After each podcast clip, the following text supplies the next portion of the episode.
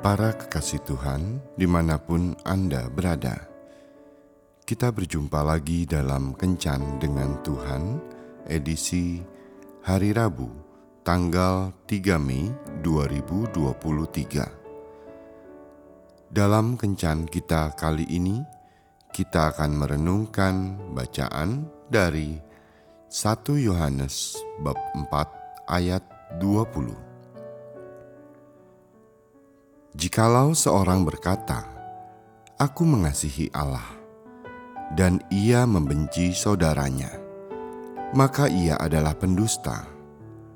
Karena barang siapa tidak mengasihi saudaranya yang dilihatnya, tidak mungkin mengasihi Allah yang tidak dilihatnya. Sahabat kencan dengan Tuhan yang terkasih ada tradisi tua yang menceritakan tentang hari-hari terakhir masa hidup Yohanes Penginjil. Dia hidup begitu lama sehingga sangat lemah. Ketika ada pertemuan, dia harus dituntun ke tempat pertemuan orang-orang beriman karena sudah begitu lemah. Dia tidak dapat lagi menyampaikan wejangan yang panjang. Karena itu, setiap kali ada pertemuan, dia selalu mengulang kata-kata, "Hai anak-anakku, kasihilah satu sama lain." Murid-murid bosan mendengar perkataan itu terus. Karena itu, mereka bertanya kepadanya, "Mengapa dia selalu mengulang hal yang sama itu?" Yohanes kemudian menjawab, Lakukan saja ini dan itu sudah cukup. Ada banyak orang yang menjadi pengikut Yesus dan mengasihi Dia, tetapi terbatas hanya di bibir saja, tidak sampai lubuk hati yang terdalam. Mengapa? Karena masih banyak dijumpai pengikut Yesus yang tekun beribadah, melayani, berkorban diri untuk Yesus tetapi masih menyimpan dendam, amarah, sulit mengampuni sesamanya, sehingga kehadiran mereka menjadi batu sandungan bagi orang lain, terutama yang belum mengenal Yesus.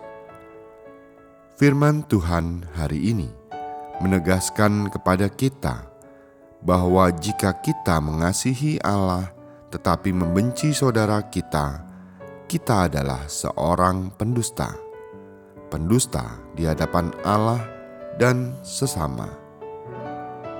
Sudah berapa lama kita menjadi pengikut Yesus? Masih penuhkah rasa cinta kita terhadap suami, istri, anak-anak, orang tua, mertua, menantu, supir, pembantu, dan sesama kita?